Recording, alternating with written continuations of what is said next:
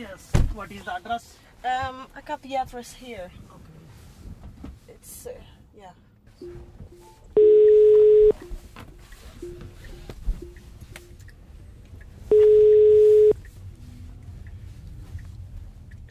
Katja Meibrun. Hej Katja, det er Dan. Åh, oh, hej Dan. Jeg er jo vildt spændt på at høre, hvad, hvad, hvad kilden sagde. Du mødtes med ham i går. Ja, det er korrekt. Vi mødtes øh, ja, på en café i går. Der var så ikke så meget plads, så vi fandt lige et mere øh, privat sted. Okay. Og, og hvad, han, han var villig til at, at fortælle alt. Ja, han svarede på alle mine spørgsmål. Måtte du optage ham? Nej, det, øh, det frabedte han så. Sagde han, hvorfor han ikke ville optages? Det handler simpelthen om, at han gerne vil være helt anonym i det her. Prøv lige, prøv lige at beskrive, hvor- hvordan, øh, hvordan virkede han? Hvordan var han? Jamen, øh, der er tale om en meget rolig mand. Øh, meget snaksalig mand også, vil jeg sige. øh, Og vældig, vældig, øh, ja, vældig venlig. Han holdt døren for mig og sådan nogle ting. Var meget opmærksom på mig også. Så øh, ja, en meget rar mand. Så du følte dig i, øh, i, i godt og trygt selskab? Ja, det må jeg sige. Han er albaner, men han opholder sig så et andet sted i Europa. Ja, det gør han. Altså tale om et særdeles organiseret og professionelt netværk af narkohandel og indsmugling af narko i Danmark. Der er sket en betydelig stigning i forbruget af kokain herhjemme, og især en kriminel organisation har sat sig solidt på markedet.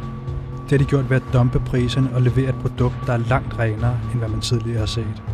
Og hvis du har taget kokain inden for de seneste 10 år, ja, så har du højst sandsynligt nok taget noget, der på et eller andet tidspunkt har været gennem hænderne på den albanske mafia. Du lytter til Copenhagen Narcos, en podcast her fra BT, der fortæller historien om Danmarks største narkosag. Den involverer et ekstremt professionelt netværk i hele Europa, ombyggede smuglerbiler, hemmelige identiteter og den albanske mafia. Are there Albanian criminal members in Colombia who the clan deals with? Mit navn er Dan Bjergaard, og jeg er redaktør på BT's kanalredaktion. Og det her er del 2, som vi kalder for Kureren. Og det er hans fortælling, du skal lytte til nu. Kureren har lige været i Holland, og nu bliver han beskyldt for at stjæle penge fra den albanske mafia. Men det er langt fra hans eneste hovedpine i den sag, politiet har døbt Operation Goldfinger.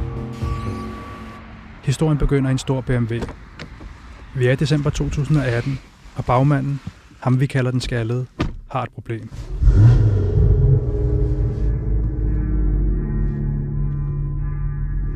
Den skaldede har et problem. Et problem med penge, der mangler i forbindelse med betaling af en netop overstået kokainleverance fra Holland. Og det er derfor, han er på vej ud for at hente kureren. Det er ham, der er den hovedmistænkte. Den skaldede sidder i sin store BMW, og han er ikke alene. Ved siden af ham sidder forbindelsesofficeren fra Albanien, og nu slynger de om sig med store pengebeløb, mens de forsøger at regne sig frem til, hvor mange penge der mangler. De kommer til at forvirre hinanden med alle de beløb, de slynger ud. Mangler der 20.000 euro, eller er det bare 2.000 euro? De er ikke helt sikre. Den skaldede er den store bagmand, og han burde have et overblik over hele forsyningskæden. Det ved han. Han skal vide, hvor mange penge, der går ind og ud, og det er vigtigt for ham, at ingen, ingen snyder ham eller de andre i netværket. Det er også derfor, at beløbets størrelse ikke er så vigtig. Det er ikke så vigtigt, om kureren har snydt ham for 20 eller 200 euro, for han ved, at der mangler nogle penge, og det er princippet i det. Den skaldede og forbindelsesofficeren taler om, hvordan det her kan forhindres i fremtiden. Forbindelsesofficeren foreslår, at de skal skrive beløbet på en seddel og komme dem i en vakuumpakket pose med pengesedlerne for at undgå det fremover. En slags forsejling. Men lige nu og her hjælper den løsning ikke den skaldede, som er helt sikker på, at kureren har stjålet fra ham. Jeg fylder hans hoved helt op, den forbandede satan. Jeg sparker ham lige i hovedmand, råber den skaldede, der nu ryster over hele kroppen med raseri. Jeg har fået nok. De bliver ved med at stjæle fra os. De har stjålet flere år, de fucking sataner. Han får ikke lov til at gå herfra i livet. Før de henter kureren, kører de forbi Albanerklubben på Nørrebro, hvor de ved 13-tiden samler organisationens svenske forbindelse op. Da han finder ud af, hvorfor han er blevet hentet, understreger han, at de skal forhindre kureren i at stikke af. Trioen fortsætter med at regne. Der skulle være 744.000. Er det 2.000 euro, der mangler? Eller er det endnu mere end det? Måske 20.000? De diskuterer, om de kan stribe ham med en undskyldning om, at det er en stikprøvekontrol, så de kan tage ham på færdskærning. Men de bliver enige om, at så dum kan han fandme ikke være. Han er ikke så dum af deres penge på sig. Så den idé dropper de.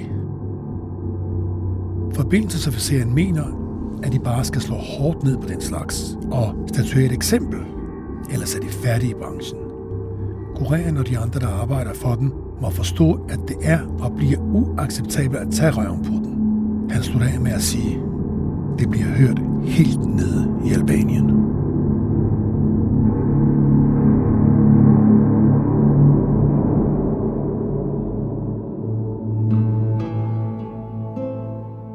Når vi taler om den albanske mafia, så er det ikke ligesom vi kender fra for eksempel den italienske mafia, det her med, det er en stor familie, der sidder på det hele. I den albanske mafia, der er det delt op i flere forskellige klaner, som både kan arbejde sammen, når det er profitabelt, men som også kan bekrige hinanden.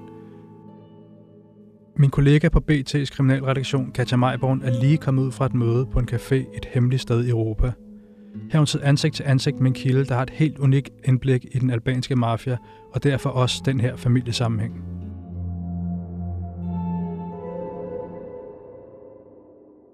Vi kalder jo det her for den albanske mafia, men det er jo ikke et ord, øh, som, øh, som kilden her bruger om dem.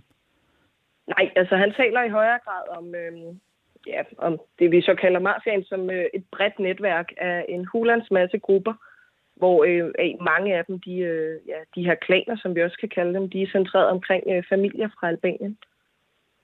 Og siger han noget om, sådan, hvor mange familier, der er tale om? Jamen altså, han siger, der er sådan en 3-5 af de her familier i alle de store byer, så det altså, og nogle af dem er jo mere involveret i øh, ja, den organiserede kriminalitet end andre. Øh, men det er sådan noget 15-20 stykker, han snakker om.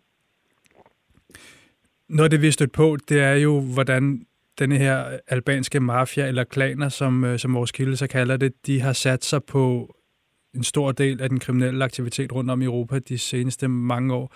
Har han et bud på, hvordan det er sket? Ja, altså for ham at se, der handler det om, at øh, der var rigtig, rigtig mange albanere, der øh, migrerede efter øh, kommunismens fald dengang i 90'erne. Og mange af dem tog jo til Italien, øh, blandt andet, hvor vi jo også har kunne se, at de har været meget aktive, øh, hvad angår kriminalitet. Og så, ja, men altså, de er jo endt alle mulige steder rundt omkring i Europa, og det er jo så styrket det her netværk, så at sige. Men hvorfor er det lige kriminalitet, de har sat sig på, og ikke øh, blevet øh, entreprenører inden for alle mulige øh, lovlige områder? Jamen, det handler om, at der er gode penge i det. Han øh, siger på et tidspunkt, ham kilden, at øh, gode penge, de kommer ikke fra hårdt arbejde. De kommer fra narko. Og det, der skete med den albanske mafia, det var, at de omkring årtusindskiftet for alvor begyndte at rykke ind i Sydamerika. Blandt andet Colombia, men især Ecuador, hvor de har sat sig hårdt på kokainmarkedet. De har kunne komme helt ud og forhandle med kokainproducenterne selv, altså skåret alle de her fordyrende mellemled fra. Det betyder, at den albanske mafia kan levere kokain af en usædvanlig høj kvalitet. De har alle led i forsyningskæden. De kan få stoffet helt ude fra kokainbønderne, og så kan de få den fragtet med store containerskibe til Europa. Når den kommer ind i de store havnebyer, særligt i Holland, Belgien, Spanien og Italien, så er det også folk her, som er klar til at tømme lasten og til at skyde den videre ud i de her netværk. De har altså formået at muskle sig ind på forretninger, som blandt andet den italienske mafia og andre kriminelle organisationer tidligere har siddet tungt på. Det har de kunnet, fordi de er ekstremt brutale, altså de er villige til at gå langt for at sætte sig på det kriminelle kokainmarked. Men de har også været gode til at samarbejde. Der er meget tale om, at den albanske mafia har overtaget fra den italienske mafia, men vores research viser, at de faktisk har et tæt samarbejde med den italienske mafia. Og det viser altså, at de er virkelig gode til at lave forretninger og gøre, hvad der er mest fordelagtigt for dem. Hele denne her import og distribution af kokain, som albanerne har sat sig på. Det kan man også se på, på tallene. Altså, det er omkring årtusindskiftet, at de satte sig tungt på Sydamerika. Og hvis vi går tilbage og kigger i 2010, jamen så i Holland, der blev der beslaglagt omkring 10 tons kokain af, af myndighederne. Og øh, 10 år senere i 2020, jamen der er vi næsten op på 50 tons, som myndighederne beslaglægger i, øh, i havnene i Holland. Og der skal man så tænke på, at det er jo kun en lille del af det stof, der kommer ind i landet, som myndighederne jo rent faktisk får, får fat i. Der kan selvfølgelig være mange grunde til, at der bliver beslaglagt mere kokain, men overordnet set så tegner det sig altså et billede af, at der kommer en større mængde kokain til Europa, og øh, den albanske mafia i Danmark, de har haft to forsyningsled. De har haft den, som vi kan kalde den tyske del, og det er den, som vi hørte om i første afsnit, hvor striberen var med til at køre kokain til, til København. Og så er der altså den, som vi skal tale om i det her afsnit, som er den holland-belgiske del, og hvor ham, som vi har valgt at kalde kureren, han står for at levere kokain til, øh, til København. Kureren, det er en mand i 40'erne, som er bosiddende i Sverige, og vi ved, at han kører flere ture for den albanske mafia, hvor han henter kokain i, i Holland. Ifølge kurerens egen forklaring, så benægter han ikke, at han har gjort noget kriminelt, men han har den her lidt øh, særpræget forklaring med, at han skal til Holland for at hente det, han selv kalder for mix. Og det fremgår ikke rigtigt, hvad mix det er, men han benægter altså, at der er tale om kokain. Og så gør han meget ud af at lægge afstand til hele det her netværk.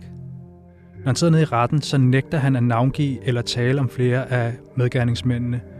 Han siger, at han aldrig har set dem før eller hørt om dem. Det virker som en mand, der hverken har lyst til at fortælle om, hvem han har arbejdet sammen med eller arbejdet for, og slet ikke, hvordan det er foregået. Tilbage i den store BMW har den skaldede forbindelsesofficeren og den albanske mafias svenske forbindelse endelig fundet frem til kureren. Vi ved, hvad de taler om så detaljeret, fordi politiet har skjult skjulte mikrofoner i BMW'en, og de samtaler er blevet afspillet i retten.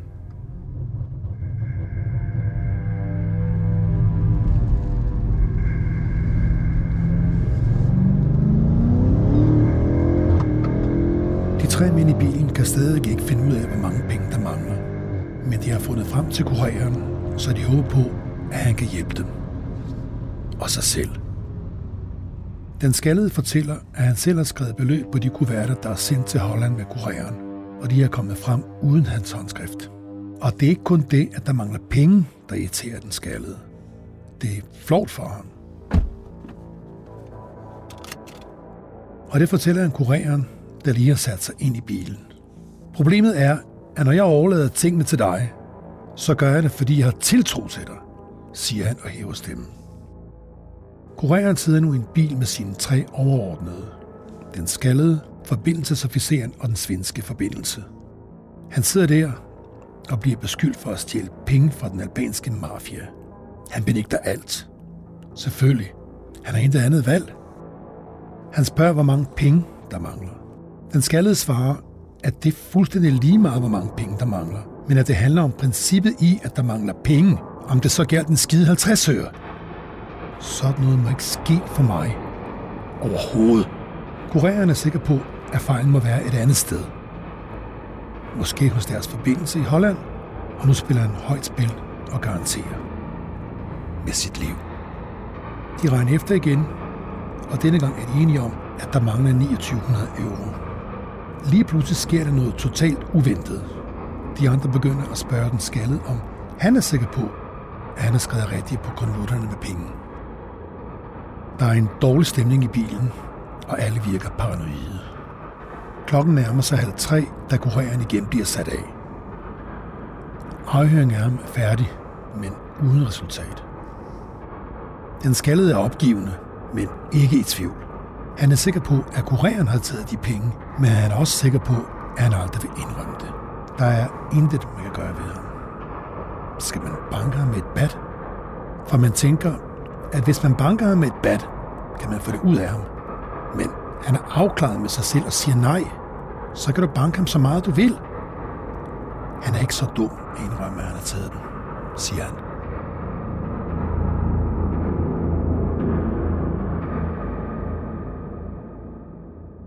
De her tre mænd, som sidder i bilen og som er på vej ud for at afhøre kureren, det er det, som jeg vil betegne som en del af toppen af det her netværk. Vi har den skaldede, som jo er helt klart ham, man må betegne som bagmanden i den albanske mafia. Ikke kun i Danmark, men i hele Skandinavien. Og det er, det er ham, der er, er rasende over de her penge, der mangler. Så har vi øh, ham, vi kalder forbindelsesofficeren, som på en eller anden måde er en person, som har kontakten til Albanien. Vi ved også, det fortæller han, i, øh, mens de sidder i, i bilen og taler på vej ud til, til kureren, at han har også tidligere opholdt sig i Italien, hvor han også har haft øh, forbindelse til det kriminelle miljø i, i Italien og til den albanske mafia dernede. Så det er klart, at han er også helt op i, øh, i toppen af, af hierarkiet og har måske sådan en, en lidt overordnet funktion, hvor vi kan sige, den skaldede, han er helt klart bagmanden i, øh, i Skandinavien, men, men her har vi altså en, som har den direkte forbindelse til Albanien og udlandet. Og så den sidste, som er med i bilen, det er faktisk den skaldedes fætter, og det viser også lidt, at øh, de her familierelationer, de er ekstremt stærke i, øh, i denne her organisation. Så der er mange, mange familierelationer, de er forbundet på kryds og tværs. Og det er jo også en af grundene til, at de er så dygtige til at, at holde tæt og ikke blive optravlet. Altså, der skal mere til, at man slader om sin fætter eller sin bror, end hvis der var en tilfældig mand, man, man samarbejdede med.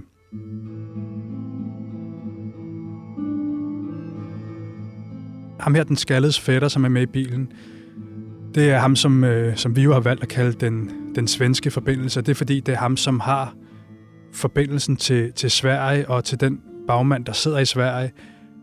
Han er jo et os fætter til den skaldede. Så endnu et bevis på, at de her mennesker, de er bundet sammen af blodets bånd.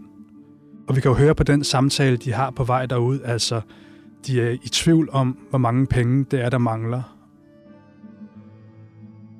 Det man jo kan undre sig over, det er, at øh, det er en indsmugling af kokain fra Holland, som kureren lige har udført, og der mangler altså de her penge, som de ja, sidder og diskuterer. Er det Øh, 29.000 euro? Er det 2900 euro? Og hvis man ser på, hvor mange penge det her netværk, de øh, kanaliserer rundt, så er, hvad enten det er 29.000 eller 2900 euro, så er det jo småpenge, men der er ikke nogen tvivl om, at det her, det handler om meget mere end penge. Altså det handler om, om ære, og det handler om, at man ikke må snyde dem. I retten der bliver kureren spurgt til den her episode, hvor han skal gøre redde for de penge, der mangler efter en tur til Holland. Og der siger han rigtig nok, at han er kommet retur fra en tur til Holland i denne her øh, smuglerbil, og der nævner han igen, at han har været nede og købe mix, men at det ikke er noget farligt. Og han siger, at han, øh, han kender den skaldede en, en lille smule, men han siger også, at han ikke ved, hvem han skulle hente det her mix for. Kureren siger, at han har haft nogle penge med til Holland, men det har altså ifølge ham ikke noget med kokainleverancer til Danmark at gøre. Og øh, han er ikke interesseret i at vide, hvor mange penge det er, øh, han har med. Og øh, så siger han også til, til anklageren, at øh, det er ikke en episode, han har lyst til at gå dybere ned i, og øh, anklageren ved godt, hvad der er sket. Kureren vil altså ikke gå dybere ind i, hvordan den albanske mafia opererer. Men heldigvis har vi en kilde, der kan tage os med helt ind i mafiaens inderkreds. I virkeligheden så beskriver han dem jo som øh, rigtig dygtige øh, forretningsmænd. Altså de kører fair business, og de er mega gode til at samarbejde og ja, øh, skabe netværk osv. Han forklarer på et tidspunkt, at når de kommer til et nyt område, det kan være et land eller en bydel eller et nyt marked, så øh, finder de lige ud af, okay, hvem er det, der styrer det lige nu? Og så i stedet for at gå ind og udfordre pågældende eller angribe pågældende, jamen, så går de ind og finder ud af, jamen, hvordan kan vi to samarbejde? Øhm, og så på den måde, så ja, formår de ligesom at øh, ja, brede sig konstant. Men når du fortæller det her, så lyder det jo lidt som om, at de bare er nogle øh, gode forretningsfolk, der kommer til, til landet, og så bliver nogle øh, driftige øh, handlende, som øh, gør en masse godt. Men de har jo også det her øh, ry for at være særdeles brutale og øh, blodige. Hvad siger han til det? Ja, men altså det her ry, det kommer jo ikke af, af ingenting. Og øh, Øh, og det er jo så også noget, de udnytter, kan man sige. Altså udgangspunktet for dem er, at de øh, kører færre business, men som jeg sagde før, de er meget kalkuleret, så det er jo også altid en afvejning af, jamen, hvordan kan vi, hvis de løber ind i et problem, hvordan kan de så håndtere det? Altså er det ved at samarbejde, er det måske ved at trække sig, eller skal der øh, ja, andet til? Og øh, man ser også, at folk de bliver dræbt øh, i den her business, uanset hvor færden så måtte blive. Den her sag, vi beskæftiger os med, Goldfinger, det var jo sådan en gruppe, som i Danmark, der kendte vi dem jo heller ikke fra sådan at stå på gaden, ligesom vi kender bandegrupperinger som Loyal to Familia og øh, andre grupperinger. Men alligevel, så har de kunne have det her kæmpe kokainmarked i fred. Er, er det fordi, de så bare har været gode til at køre business, og de har haft det her ry? Ja, det vil jeg, det vil jeg stærkt gå ud fra. Altså, de har... Øh de er svære at komme efter, fordi det, de udbyder på markedet, det er så godt og så billigt, at det er svært at konkurrere med dem. Øhm, og så er der jo den her underliggende trussel om, at man skal ikke lægge sig ud med albanerne, netop fordi de har det her ry. Både den kilde, som Katja har mødt et hemmeligt sted i Europa, og andre kilder, som vi har talt med om den her sag, fortæller, at de albanske kriminelle har et ekstremt voldeligt ry. Og hele historien om mændene i bilen, der kører ud for at afhøre kureren, om de her forholdsvis få manglende penge, det viser også, at de ikke lader nogen slippe billigt, hvis de altså har en mistanke om, at de er blevet snydt. Vi ved faktisk ikke, hvordan historien om de manglende penge ender, men det vi ved, det er, at kureren tager på sin sidste smuglertur cirka 5 måneder senere. Den 11. maj 2019, der tager kureren fra sin bopæl i Sverige og så til Danmark. Vi ved, at han her sent om aftenen er i Gladsaxe. Det mener han i hvert fald selv, at det er der, det her møde foregår. Og ved det her møde, der har han en øh, samtale med en central placeret person i, i netværket om syv bunder, som må formodes at være de her penge, han skal ned og overlevere i Holland i forbindelse med kokainleverancen. Efter han har været her i Gladsaxe og fået bilen og nøglerne, så tager han altså afsted på den her tur til Holland.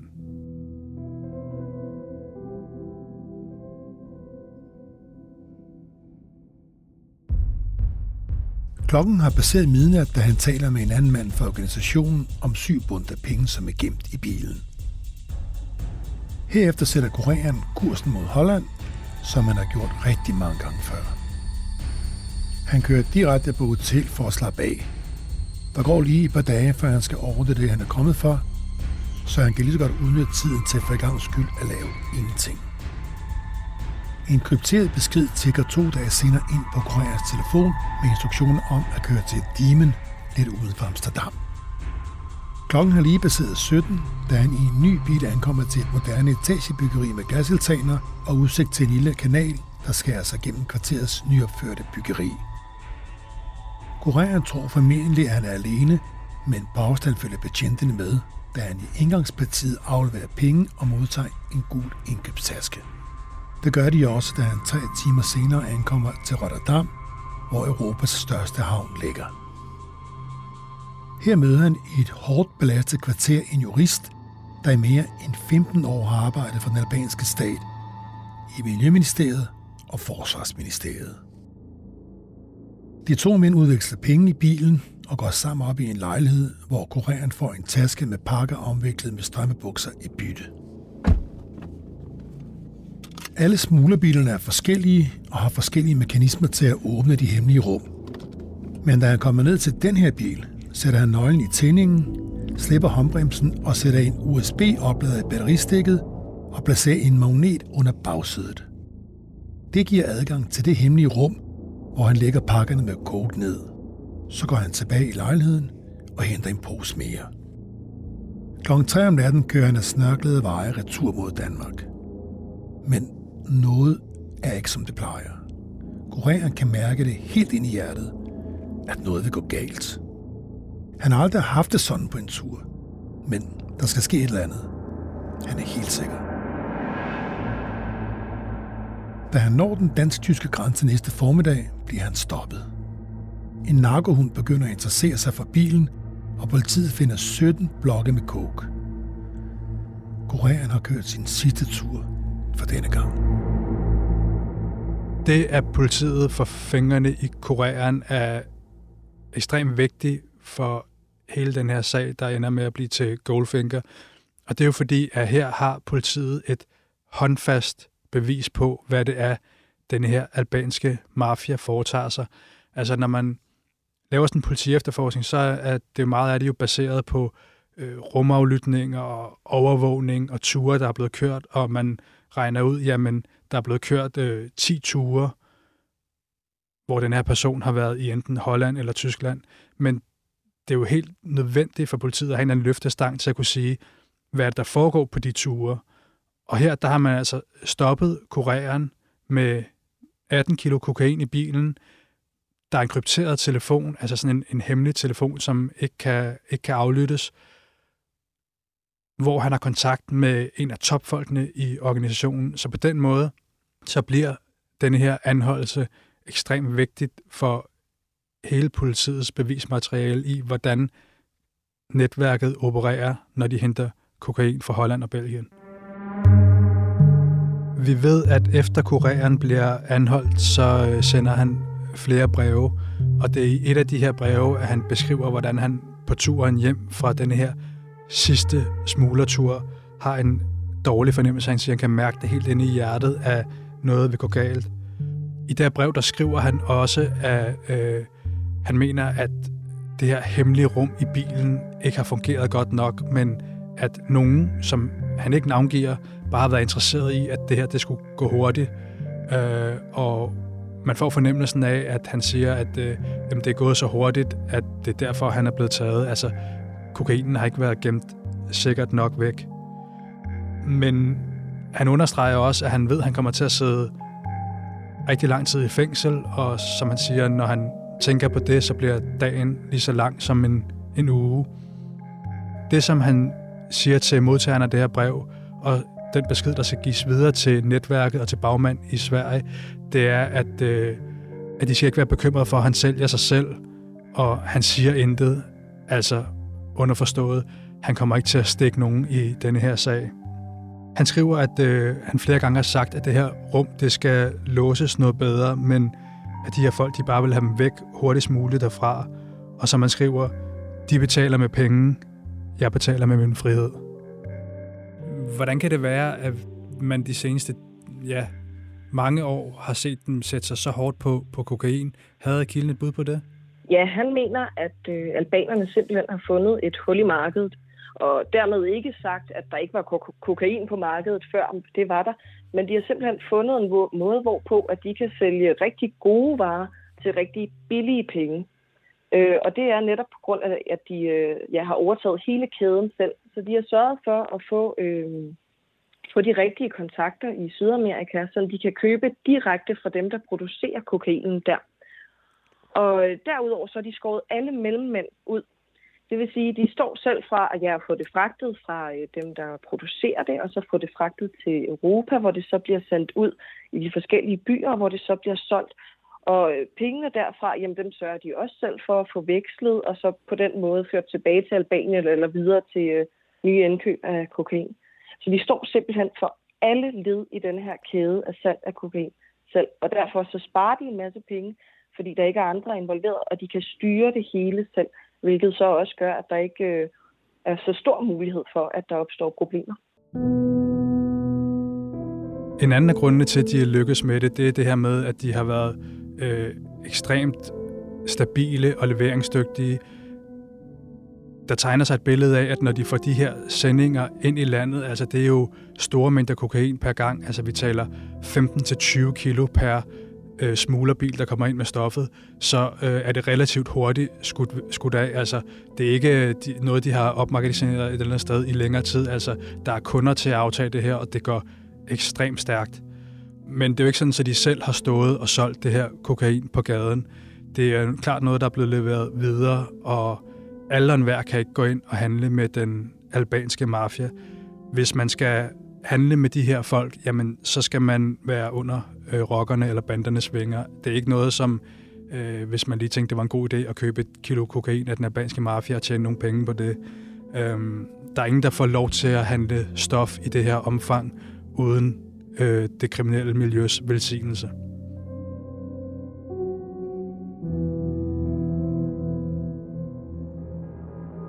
Næste episodes hovedperson er ham, vi kalder for pengemanden. Ejeren af souvenirbutikken regner højt. Han har 280.000 euro. Det skal handle om pengesporet og hvordan den albanske mafia hvidvasker deres narkopenge gennem to souvenirbutikker i København. Og hvordan de bruger pengene på blandt andet en kyllingefarm. Hjemme i øh, deres hjemland, der er det meget tydeligt, at der kommer mange, mange penge ind, og der er meget stor forskel på, på rig og fattig, netop på baggrund af den organiserede kriminalitet. Og det handler om, at mange af de her penge fra narko, jamen, de bliver brugt på eksempelvis ejendomme. Vi forlader snart historien om kureren, men du skal lige have dommen med. Ifølge retten så har kureren haft en central rolle i det her velorganiserede netværks forsyning af kokain til Danmark og Skandinavien. Han bliver dømt for at have importeret 400 kilo kokain og ca. 110 kilo fyldstof til køber i Danmark, Norge og Sverige. Det koster ham en fængselsstraf på 16 år og en udvisning af Danmark. Juristen, altså ham kureren mødtes med, han blev anholdt i Holland og udleveret til Danmark på en arrestordre. Han fik 14 års fængsel. Begge sagerne er ligesom alle de andre i Operation Goldfinger anket til landsretten. Du har lyttet til Copenhagen Narcos, del 2. En podcast her fra BT. Serien er baseret på retsdokumenter, agtindsigter, oplysninger, der er fremkommet i offentlige retsmøder og kilder i sagen. Vi har forsøgt at række ud til kureren via hans advokat, men han er ikke vendt tilbage. Serien er lavet af Katja Majborn, Lauke Lassen, Mads Peter Gynal og Mikkel Rønnow fra Mono Mono, og indtalt af Slavko Labovic. Mit navn er Dan Bjergaard.